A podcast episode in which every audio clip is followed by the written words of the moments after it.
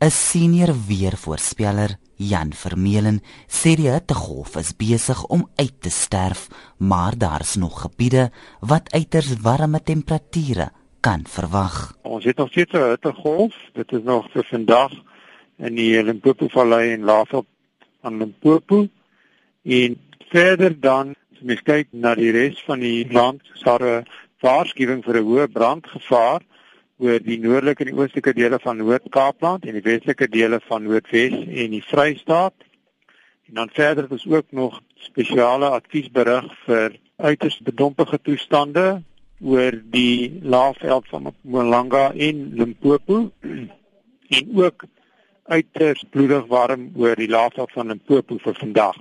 Bedompige toestande sal nog môre voortduur oor die laafveld en Limpopo vallei. Vermeeren sê daar is 'n skraal kans vir ligte reën vir vandag en môre in die noordelike dele van die land. Hy sê oor die naweek sal groot dele van die land reën ervaar. As mens kyk na Vrydag dan is daar 'n uh, hoogdruk wat nader kom en ook 'n koue front wat uh, ligte reën veroorsaak oor die Kaapse Suidwes en Suidkus en dan grensende binneland, maar verder ook 30% kans vir baie en donderbye oor die noordelike en die oostelike dele van die land.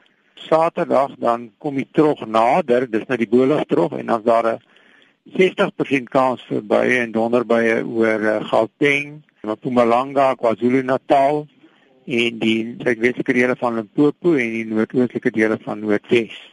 En hierdie weer duur dan Sondag voort terwyl die weer begin opklaar op die Kaapse suidkus. Intussen sê Eskom dat die uiters warme temperature het veroorsaak dat meer mense krag verbruik deur weiers en verkoelingsstelsels te gebruik.